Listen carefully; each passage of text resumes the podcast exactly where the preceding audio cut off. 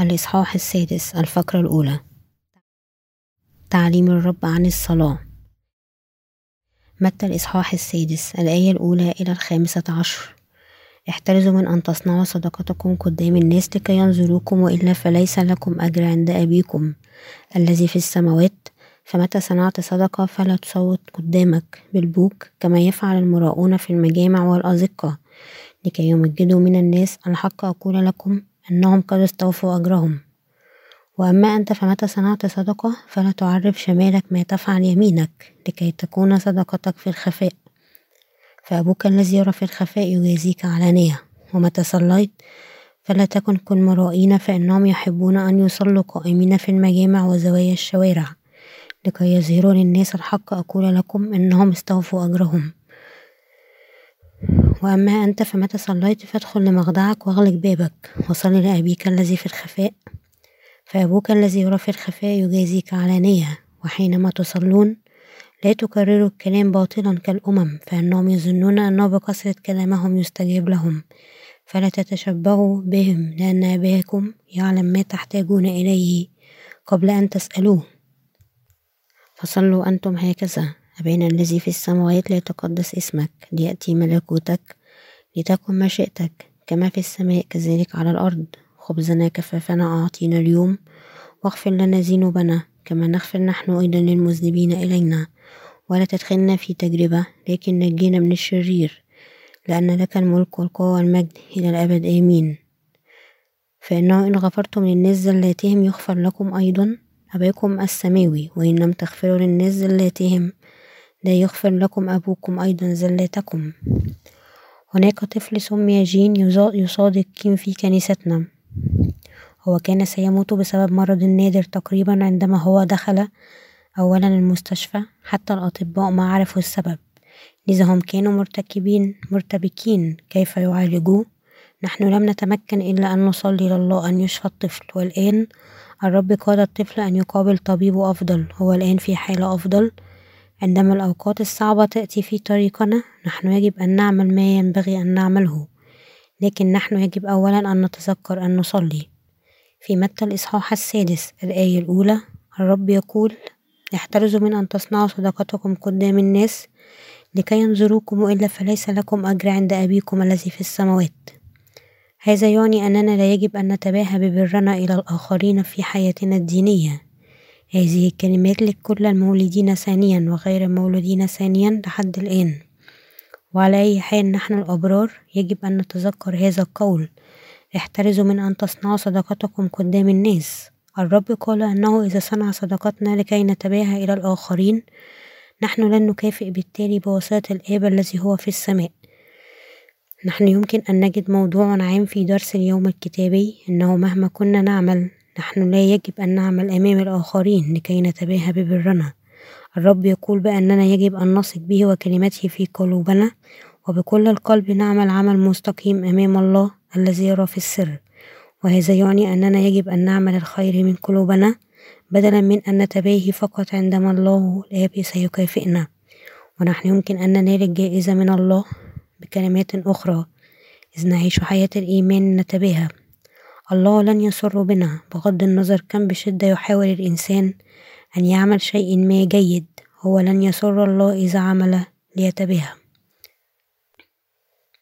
إذا كل شيء نحن نعمله للنفاق إذا الناس الآخرين يعرفونه سواء أنه معروف للناس أم لا. إذا الإنسان ينفذ البر بسبب إيمانه.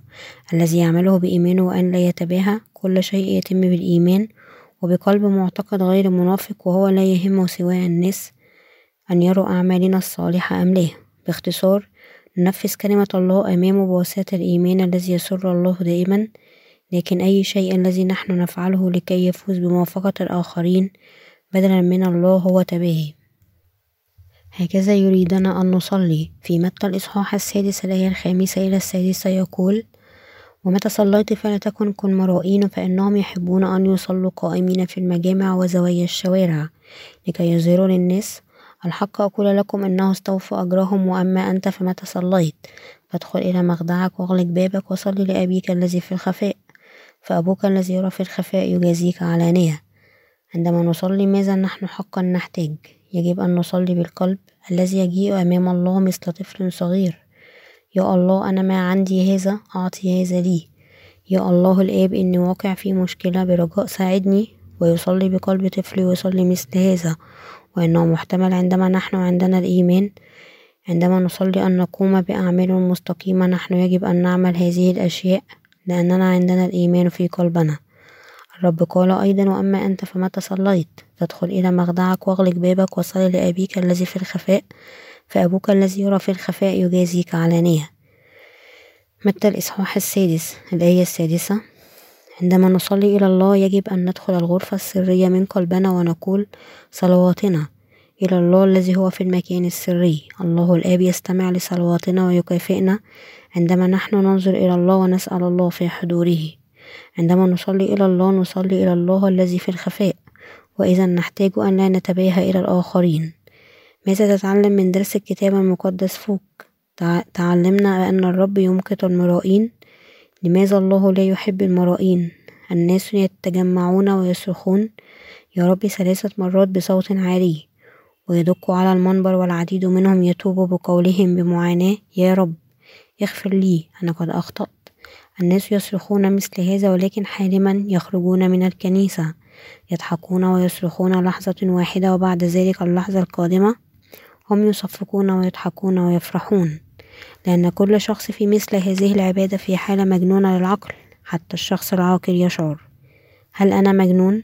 أود أن أتخيل. أشاهد الناس الذين يصرخون لحظة ويضحكون اللحظة القادمة؟ لهذا الناس ذوي العقل السليم والأحاسيس لا يذهبون للكنائس مثل هذه. الله يمقت الناس الذين مثل هذا أيضا ويحول وجهه بعيدا عنهم ويدعوهم منافقين.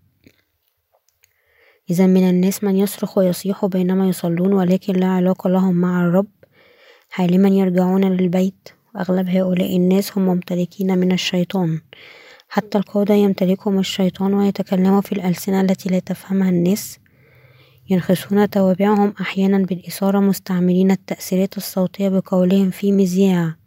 اقبلوا نار نار نار نار يجعلون الناس مشوشين ويقودهم أن يصلوا بالدموع والصراخ في اللحظة واحدة.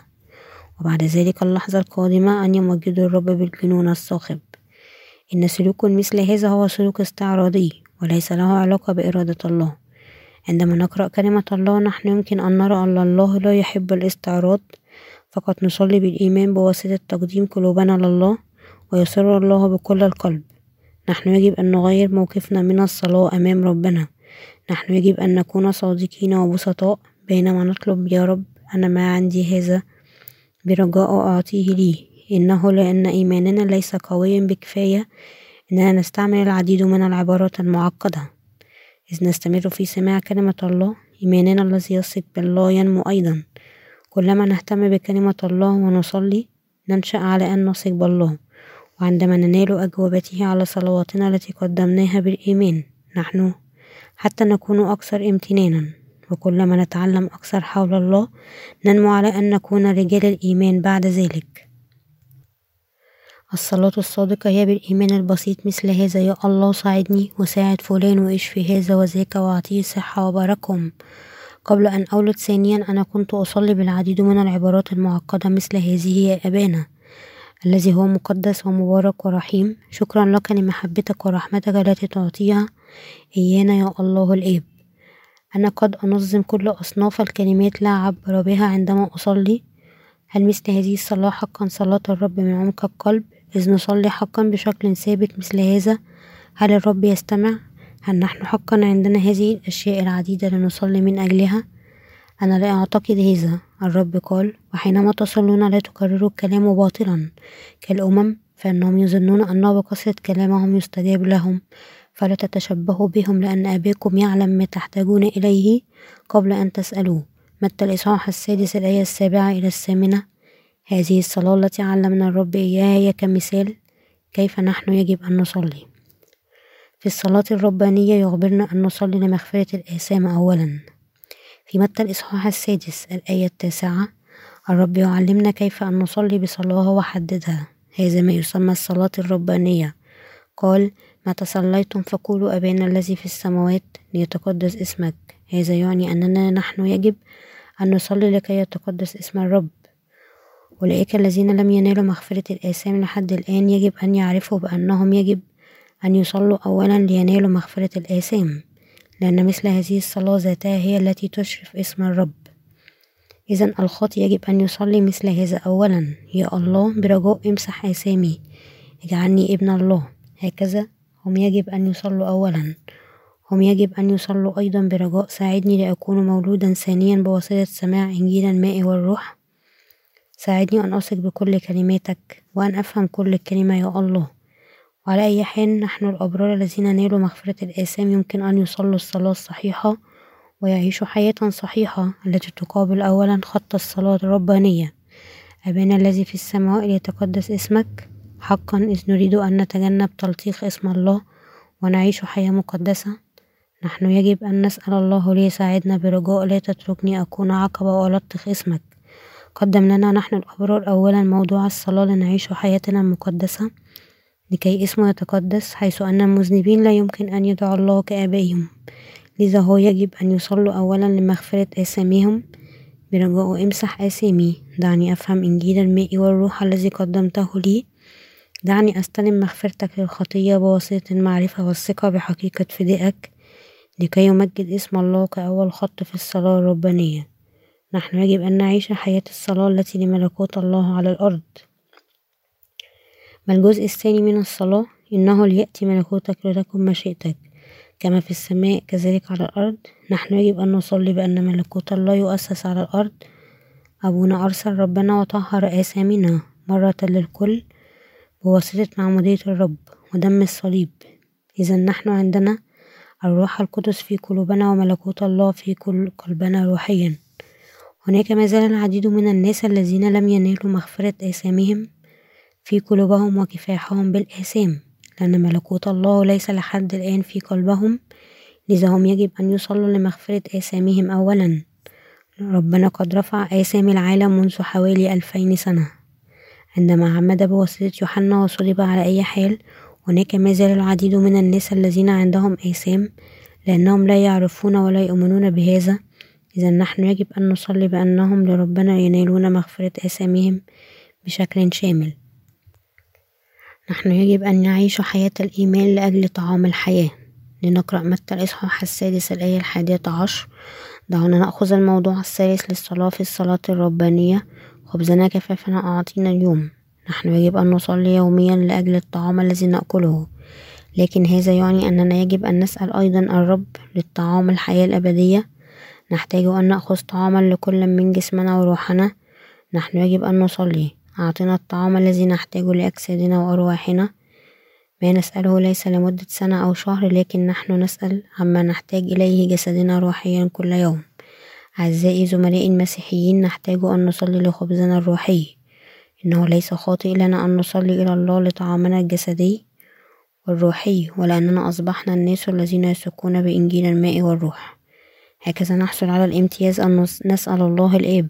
مهما كنا نحتاج إذا نحن يجب أن نصلي أيضا طبقا لموضوع الصلاة الثالث أولئك الذين يثقون بإنجيل الماء والروح بوضوح هو الناس الذين يعملون ببر الله. ولذا يجب أن نصلي أن الله يساعدنا بالمادة الدنيوية لإنجيل الماء والروح وليتبارك الأعمال في التقدم. إنه صحيح للبار أن يعيش لبر الله ويعيش بشكل صحيح لنشر إنجيل الماء والروح. إنه ليس أننا نصلي الصلاة الربانية فقط مرة واحدة في الحياة ولكن نحن يجب أن نقول مثل هذه الصلاة كل يوم. إذ نصلي إلى الله أن يعطينا يوميا الطعام الذي نحتاجه الله سينجينا. عندما نصلي بقلبنا نحن يمكن أن نجرب علاوة الله لنا من الطعام للجسد والروح ضمن كنيسة الله. يعطينا مثل هذا الطعام بكفاية كي يمد لخدام الله وشعبه وكل المسيحيين أن يتجمعوا معا في كنيسته ويحيوا في اتحاد كل منهم مع الآخر. كما يعملون لأجل الإنجيل. نحن الأبرار غالبا يمكن أن نحصل على الطعام الأكثر من كل يوم نعيشه من خلال كلمة الله. الروح القدس في قلوبنا يسر دائما ويبهج بعملنا الروحي الذي يسر إلى الله. وما يسر الروح القدس في قلوبنا ذاته يوميا هو طعام لنا إذ نصلي كل يوم إلى الرب. أعطنا الطعام ولا نعمل أي شيء. هذه ليست صلاة أصيلة إذ أنت قد صليت لله. أنت يجب أن تتوقع كيف الله يستجيب للصلاة وتفعل ما بمقدورك لكي الله يمكن أن يعمل خلالنا. ونتوقع أن الله يعطينا الطعام الروحي عندما نحن فقط نجلس. إنها إهانة لله. نتجمع غالبا في كنيسة الله لخدمات العبادة. هذا بالضبط الطعام الذي نحن يمكن أن نأكل. والاستماع إلى الكلمات في الكنيسة عمل الرب طبقا لرغبته. يصبح بالضبط الطعام الروحي لنا. الشخص بار سيقدم سيقيم لا يعمل الله بعد نوال مغفرة الخطية. إيمانه يموت عاجلا أم آجلا وينتهي تاركا كنيسة الله؟ بعض الناس حتى فقدوا الإيمان الذي يثق بحقيقة خلاص الله التام. إذا نحن يجب أن نعمل العمل الأبرار لنشر إنجيل الماء والروح ونحصل على طعامنا يوميا. ولكن الذين أصبحوا صالحين بواسطة الإيمان يجب أن يكونوا قادرين أن يغفروا بعضهم لبعض. إنه مكتوب في متى الإصحاح السادس الآية الثانية عشر واغفر لنا ذنوبنا كما نغفر نحن أيضا للمذنبين إلينا. هذا هو الموضوع الرابع في الصلاة الربانية. نحن يمكن أن نسيء موضوع الصلاة الربانية. الصلاة الرابع هذا كما قيل بأننا يجب أن نتوب كل يوم وننال المغفرة كل يوم. وعلى أي حال هذا الموضوع الرابع ليس حول المغفرة. كل يوم إن الموضوع الرابع شرطي حيث أننا استلمنا مغفرة الخطية من الله سويا بواسطة الإيمان بإنجيل الماء والروح. نحن يجب أن نعيش أيضا لبر الله بواسطة أن نسامح الناس الذين أذنبوا إلينا ويجب أن نغفر للناس الذين أذنبوا إلينا كما أن الرب قد غفر لنا كل آثامنا بشكل لا شرطي بواسطة الماء والدم. تخيل أننا عندنا دين حوالي بليون ونصف دولار. مثل هذا المبلغ كبير حتى أننا لا يمكن أن نسدده حتى إذا عملنا كل حياتنا. أجرة خطية كل واحد مننا هي مثل هذا المبلغ. آسف الله لحياننا وشطب الدين لآثامنا بشكل لا شرطي. بدلا من قوله أنا سأعتبره قد دفع. وأرسل الله الآب ابنه وعمد وحمل أثام العالم وصلب. ودفع ثمن آثامنا وخلصنا بواسطة معمودية يسوع والدم على الصليب. هكذا الرب شطب ديننا بواسطة الإيمان بمغفرة الآثام. لأن مغفرة الخطية بواسطة عمل لا شيء ليمسح الآثام ولكن فقط بواسطة الإيمان بالحق. الآن نحن يجب أن نشطب خطايا الآخرين الصغيرة التي عملوها ويجب أن نعيش على فرضية المغفرة لأجل الآخرين. حياة الناس الأبرار والمذنبين نحتاج أن يغفر كل منهم للآخر. الأخطاء التي الآخرون عملوها نحتاج أن نغفر للآخرين. نحن مديونون لله بسبب آثامنا ولكن الرب جاء للعالم ورفع آثامنا بواسطة معموديته من يوحنا ودمه. الرب رأى آثامنا وعجزنا ولذا هو أبدها كلها حتى نهايتها. لأن الرب عرف بأننا لا يمكن أن نكون أبرارا حتى إذا كرسنا حياتنا. وهو رفع آثامنا لمرة للكل بواسطة حقيقة إنجيل الماء والروح. نحن قد قابلنا الرب الذي هو حي. بواسطة الثقة بإنجيل الماء والروح ونثق بإنجيل الماء والروح كخلاصك في قلبك. نعم هل استلمنا مغفرة الآثام بواسطة الثقة أن يسوع غفر آثامنا؟ بواسطة الماء والروح نعم. إذا حيث أننا نلنا مغفرة آثامنا العالمية بواسطة نعمة متعجبة نحتاج أن نغفر لذنوب الآخرين ضدنا. إن الموضوع الرابع للصلاة الربانية هو أن نغفر بعضنا لبعض. تنفيذ هذه الصلاة الربانية هي الطريق الصحيح لحياتنا الروحية. وهنا في الجزء الرابع من الصلاة ليس ما هو ضروري أننا ننال مغفرة الآثام بعد النظرة عن هذه الفقرة التي تقول واغفر لنا ذنوبنا نحن أيضا للمذنبين إلينا وهذا الخط بالضبط يقول بأن هؤلاء الذين نالوا مغفرة الآثام بواسطة إنجيل الماء والروح يجب أن يغفر وللآخرين يستروا عيوب الآخرين. آثام الإنسان لا يمكن أن يكفر عنها بواسطة أن يغفر لها بواسطة أن يقبلوا ولكن لابد من تكفير قانوني حيواني قانوني بلا عيب ويحول الآثام إليه بواسطة وضع الأيدي وموته المفوض لدفع أجرة الآثام. نحن يجب أن نصلي لكي الله يحمينا في جميع الطرق. في متى الإصحاح السادس؟ الآية الثالثة عشر. يقول ولا تدخلنا في تجربة ولكن نجينا من الشرير. التجربة تعني الوقوع في صعوبات أيضا. ولا تدخلنا في تجربة تعني أن نصلي أن يحمينا من الوقوع التشويش والصعوبات. عندما نصلي أمام الله الآب يجب أن نصلي مثل هذا. يا الله الآب لا تتركني. أقع في صعوبات. احميني من كل حالة خطرة يا الله. برجاء باركني واحفظني من الفشل. لأنه أنا عندي مادة تنيوية دنيوية أكثر من اللازم وليس عندي ماديات كافية. احفظني من الشرير ولا تتركني أسقط في تجاربه ولكن يجب أن نصلي غالبا حتى لا يدخلنا في التجربة. نحن نصلي بشكل حذر من بداية الصلاة إلى الصلاة ستون كل يوم.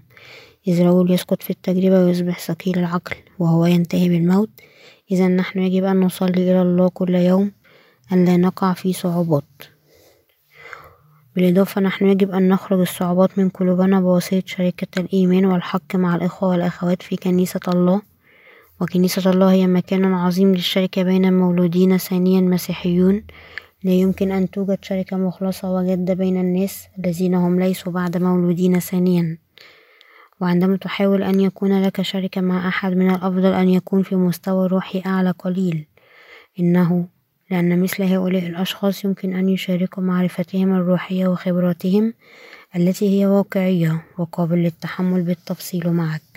إنه جيد لنا حينئذ أن يسهل لنا أكل الطعام الروحي بالإيمان بواسطة التحدث إلينا وهم يمكن أن يتعلقوا بنا في الطريق وحتى ساعدونا في مثل حالاتنا.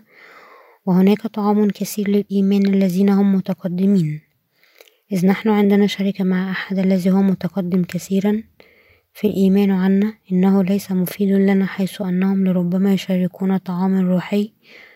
صعب جدا لنا أن نهضمه وهذا يمكن أن نماثله يتعلم ركوب الدراجة. المعلم الأفضل إلى الطفل هو أنه فقط يتعلم أن يركب دراجة أخواتهم الأكبر سنا حتى يكونوا أيضا إتقنوا الركوب بدلا من أن من التي لوالديهم. الواحد الذي يمكن أن يوضح في أي مستوى يمكن وضع الطفل يمكن أن يفهم أفضل. لأنه فقط ذهب خلال نفس الشيء. إذ أب كان سيعلم طفل صغير يركب دراجة أو لربما يجلب دراجة كبيرة التي في مستواه ويأس الطفل الذي يحاول أن يتعلم. الطفل يمكن أن يتعلم بسرعة بواسطة النظر إلى إخوته الأكبر سنا. وهم يركبون دراجة قليلة ويكونوا مشجعين له. أنا يمكن أن أعمل ذلك كثيرا. الأشقاء الأكبر سنا يمكن أن يساعدوا الطفل بالأوامر الواقعية. الدراجة الكبيرة للأب لربما تغبي الطفل الذي يتعلم أن يركبها من أبوه حتى قبل تقديم الدراجة. هذه هي نفس شركتنا في الإيمان الذي يمكن أن يساعدنا ننمو في الإيمان خطوة بخطوة. وفي طريق الحق في المستوى الذي هو فقط جربه خلال نفس الطريق. الشركة أكثر فائدة عندما تكون مع أحد الذي مر خلال نفس الشيء فورا أمامي. ونحن يمكن أن نصلي دائما لا تدخلنا في تجربة ولكن احفظنا من الشرير بالإيمان في إنجيل الماء والروح لأن الخطر الأكبر هو عندما نحن نكون في يد الشرير ونحن لا ندرك أننا في خطر. كيف خطر هو؟ نحن يجب أن نصلي بأننا لا نسقط في أيدي الشرير وأن يخلصنا الله من الشرير. في متى الإصحاح السادس الآية الرابعة عشر إلى الخامسة عشر قال فإنه إن غفرتم للناس زلاتهم يغفر لكم أبوكم الذي في السماوات وإن لم تغفروا للناس زلاتهم لا يغفر لكم أباكم أيضا زلاتكم. ويجب أن نغفر كل منا الآخرين في واقع الأمر. أولئك المولودين ثانيا جيدون في الغفران. هل تغفر بشكل سهل أو لا عندما ترى عيوب الآخرين وأخطائهم وضعفاتهم؟ حيث أن بعض الأشياء غير قابلة للنقد. يمكن أن نكون مأذين في قلوبنا لكن نحن نغفر بشكل سهل عندما الشخص الآخر يندم حقا عما قد عمل ويتحول بقلبه ونحن لا يمكن إلا أن نغفر له عندما يرجعون ويتحول سلوكهم. هناك لا شيء لا يمكننا أن نقبله وعلى أي حال. هناك العديد من الذين لا يمكنهم أن يعملوا هذا أولئك الذين يسقطون في التجربة. وفي الأخرى مقدمة من الشرير في التجربة بدلا من التسامح. إذا نحن لا يمكن لا يجب أن نقود الآخرين في التجربة بسبب الصعوبات وحالتنا نحن في الداخل أولئك الذين يجعلون زميلهم المؤمن مشوش ويقف ضد إرادة الله ينتهك بالتأكيد إلى الدمار. نحن يجب أن نقود حياتنا الدينية لنتباهى بإيماننا لأنه ما هو مهم أمام الله ليس أن نكون أصحاب قصة طويلة أو قصيرة ولكن سواء نحن أبرار أم خطاة عندما نحن نعمل هذا ندرك من قلوبنا أننا نحن عملنا الشر. وكل ما نحن يجب أن نعمله هو أن نعترف به ونعترف بأنه أمر خاطئ قائلين كان هذا شر. إذ نسمع كلمات الاعتذار أو المسامحة ونعترف بالأخطاء التي عملناها نحن الآن يجب أن نتوقف عن الغضب من قلوبنا ونغفر للآخرين. يسوع قال بل ليكن كلامكم نعم نعم لا لا وما زاد على ذلك فهو من الشرير. متى الإصحاح الخامس الآية السابعة والثلاثون. نحن لسنا بحاجة لتفسير أو عذر الشيء الوحيد الذي نحن يجب أن نفعله هو أن نعتبره أمام الله ونعترف بأخطائنا إذا كانت هناك أي خطية. عندما نسمع قصة من أخ إذا هو خاطئ كل ما نحن من الضروري أن نعمله هو أن نخبره ذلك خاطئ ويجب أن تعترف به. وكل ما يحتاجه أن يضع هذه الأشياء أمام الله ناظرا إلى الرب الذي رفع حتى هذه العيوب بمعموديته ودمه على الصليب. خلاصة الصلاة الربانية نحن يجب أن نصلي طبقا للموضوع الأول في الصلاة أبانا الذي في السماوات ليتقدس اسمك. بالنسبة للخاطئ الذي حتى الآن لم يولد ثانيا الجزء الأول من الصلاة ليتقدس اسمك يقصد أن يصلي ساعدني أن أنال مغفرة الخطية لكي أنا يمكن أن أمجد اسم الله. ولكننا المولودين ثانيا الذين نلنا مغفرة الخطية مسبقا. هذا يعني أن نصلي ساعدنا أن نعيش حياة مناسبة. حياة مستقيمة التي ستمجد الله ونحن أيضا بذلك الطريق. وعلى أي حال أولئك الذين ليسوا مولودين ثانيا. يجب أن يصلي أولا لمغفرة الخطية لكي يمكن أن يمجدوا الله. إذا الأبرار يجب أن يصلي في حد ذاته برجاء دعني أحيا حياة مقدسة برجاء دعني أحيا حياة الإيمان ولا تتركني ألطخ اسمك. ماذا يحصل إذا نتعاون مع جاسوس الذي يأتي في بلدنا ليحصل على معلومات مهمة خارجية. هذا يجعلنا سيئين بقدر الجاسوس وخونة الذين يبيعون بلدهم. هذا شيء ما الذي الخائن يعمله؟ الذي لا يعرف أين هو يجب أن يعود ويتعاون مع العدو ليبيع بلده الخاص وهي خطية كبيرة التي لا يمكن أن تفر من عقاب الموت. إن السطر الثاني في الصلاة الربانية ليأتي ملكوتك ولتكن مشيئتك. كما في السماء كذلك على الأرض. هذه بالنسبة للمستقيم هي أن يصلي للأرواح التي لم تنال بعد مغفرة الخطية. إنه أن يصلي أن إرادة الله ستعمل على الأرض. إذا ما هي إرادة الله؟ إنها أن كل الأحياء ينالون مغفرة الخطية. نحن يجب أن نسأل الله للمساعدة في هذا ويجب أن نصلي للعمال والمواد الدنيوية. وبعد ذلك نحتاج أن نكرس أنفسنا للرب لنعمل عمله ويجب أن نكرس أنفسنا ووقتنا وجهدنا وكل شيء نملكه لكي إرادة الله تتم على الأرض. بعض الناس بعدما ينالون مغفرة الخطايا يهملون تحذيرات الرب. التحذير الذي علمنا أن نصلي لملكوت الله إذا الإنسان الذي نال مغفرة الخطية لا يصلي لنشر الإنجيل أو لا يتحد بكنيسة الله لهذا الغرض. إذا هو يجلس في مكان الرجل الشرير رجل مثل هذا لا يجب أن يتوقع البركات. للجسد والروح من الله. إذا في الواقع ذلك البر الذي لا يعيش ويصلي لبر الله هو يعيش خارج إرادة الله وليس في الاتحاد مع إرادة الله. نحن يجب أن نصلي لأجل الطعام اليومي يوميا. هذا هو موضوع الصلاة الثالث. أعطنا اليوم حتى نحن لا نجوع. أعطنا الطعام للجسد والروح. بارك عملنا لكي نحن يمكن أن نعمل عمل الله. ونحن يجب أن نصلي للظروف لكي نخدم إنجيل الماء والروح. هذا هو الجزء السادس من الصلاة. الجزء الرابع من الصلاة هو أن نحن يجب أن نغفر للآخرين الذين أخطأوا كما غفر الرب أسامنا بواسطة الماء والدم بين الإخوة والأخوات في عائلتنا التي استلموا مغفرة الآثام. خدام الله الذكور والإناث نحن يجب أن نغفر لأخطاء الآخرين كما الرب محى أثامنا عندما واحد يقول هذا خاطئ الشخص الآخر يجب أن يعترف آه نعم أنا خاطئ. إذا نحن يجب أن نغفر للآخرين من قلوبنا. نحن يجب أن نصلي بأننا لا نسقط في التجربة أي أننا لا نقع في صعوبات. وأن الرب يحفظنا. والجزء السادس من الصلاة لكي نجنا من الشرير. يجب أن نصلي بأننا مولودين ثانيا. لا تسقط في أيدي الشرير أو نكون مأسورين بواسطتهم. وأن الله سيسلمنا من الشرير. عندما نحن نكون في أيدي الشرير. لذا الرب قال نحن يجب أن نغفر لأخطاء الآخرين. نحن الأبرار يجب أن نصلي دائما طبقا للطريقة الرب علمنا أن نصلي. يجب أن نصلي لمثل هذه المواضيع كل يوم ويجب أن نعيش في الذي طريقه كل يوم. نحن يجب أن نصلي لنغفر كل منهم الآخر لأن لا يسقط في التجربة أو الشرير. ليوميا طعام لملكوت الله على الأرض. ليس فقط الذي نحن يجب أن نحاول أن نعيش مثل هذه حياة مخلصة بواسطة الإيمان ويجب أن نعيش في حياة الصلاة للمساحات نسقط القصير لكي يمجد الله. أعزائي زملائي المسيحيين إذ نأخذ فقرة الكتاب المقدس اليوم إلى أولئك الذين ليسوا مولودين ثانيا لحد الآن وهم يفسرونها بشكل مختلف.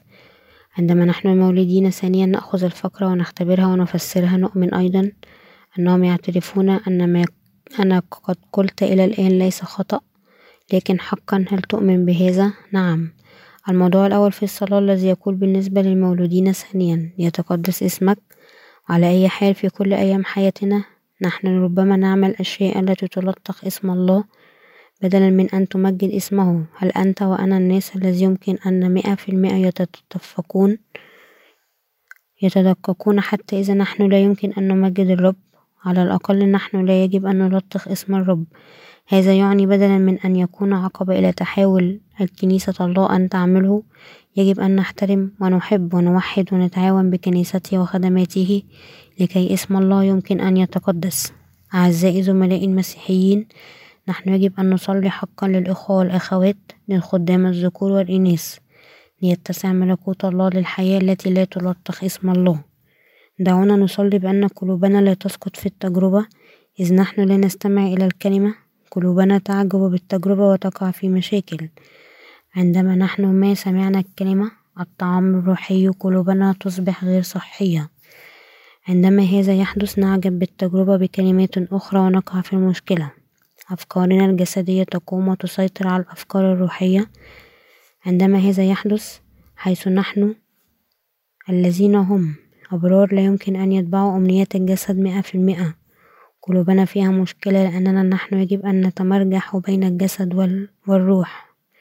لكي تعود لنا الصحة الروحية نحن يجب أن نأتي إلى كنيسة الله ونسمع الكلمة بغض النظر عن من يبشر الكلمة خلال الخدمة.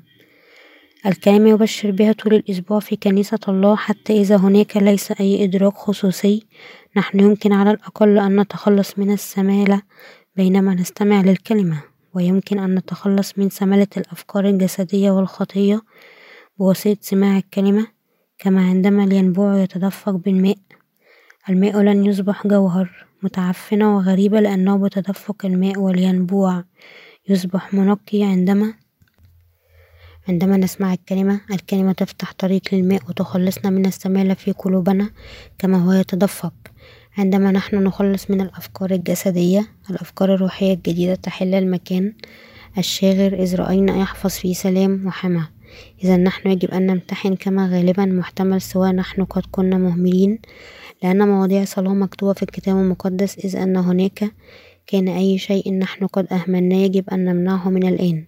في الصلاة الربانية كل شيء يغطى هذا يبين كيف يمكن أن نعيش حياة الصلاة. الجزء الأول من الصلاة يجيب مسبقا لنا مغفرة الخطية في جزء الصلاة الأول ينجز. لكن الله نحن يجب أن نصلي لكي نحن يمكن أن نعيش حياة مقدسة. إذا نحن يجب أن نسمع الكلمة وننشر الإنجيل كل يوم ونسعى للقداسة لكي نحن لا نصبح أولئك الذين يعرقلون مجد الله. ليس فقط أجسامنا الجسدية يجب أن تأكل لكن أيضا أرواحنا تأكل إلى الأبرار. الذين استلموا مغفرة آثامهم سماع الكلمة والصلاة ويمكن أن يكون طعامهم الروحي ولكن في الواقع ما هو طعام روحي حقيقي لهم هو أن ينشروا الإنجيل إذ يقفوا في سماع الكلمة ويأخذوها في قلوبهم. لا يمكن أن يكون طعام الذي يعطي صحة قوية. النوعية العالية المغذية التي تعطي صحة حقا إلى قلوبنا هي الإيمان التي يتصرف عندما نثق بالكلمة من القلب ونتصرف بناء على الإيمان. يصبح إيماننا حقا ونحن يمكن أن نقف أقوياء في الإيمان ونصبح كاملين روحيا لأن نوعية عالية ضرورية من الغذاء نشرت خلال جسمنا. إذ واقع أحدنا في اضطرابات الشرير يجب أن نتحد ونرد الشرير. وإذا أحد بيننا جلد في أيدي الشرير نحن يجب أن نتحد لنساعده ويجب أن نتحد ونحمي أنفسنا بواسطة أن نصلي يا الله برجاء أوقف هذه الزوبعة الروحية من الشرير. برجاء ساعد كل واحد منا. نحن يجب أن نفكر بمواضيع الصلاة التي نحن أهملناها وأن هناك حقا كانت مساحة نحن أهملناها نحن يجب أن نتحول ونعيش حياة مستقيمة. الرب نصحنا أن نهتم كل منا بالآخر ويجب نحب بعضنا بعضا. نحترم ونشجع ونحذر بعضنا بعضا لأن النهاية تقترب. نحن يجب أن نضع أنفسنا في حالتي ونصلي بأن مشكلتي تحل. نحن يجب أن نعمل كشعب الله ويجب أن نفكر به كمشكلتنا الخاصة ونتفاعل بالاعتبارات مثل ماذا يكون إذا كانت هذه حالتي. ماذا أنا أعمل؟ حتى إذا الشخص الآخر لا يقوم بدوره ولا يقود حياة مستقيمة لكي هو ستكون صعبة أن يتحملها نحن يجب أن نصلي ونقبله مع الرجاء أنه يتحول. حيث أننا نحن البشر بالعديد من العيوب نصنع غالبا أخطاء مرعبة لا توصف حتى إذا حيث أن الله هو القاضي للدينونة إنه لأمر جيد. أنه حين نتحول بواسطة قبول الكلمة التي مسحت حتى مثل هذه الآثام لأن إذا الله يقول لأنه لا شيء إذا إنه لا شيء.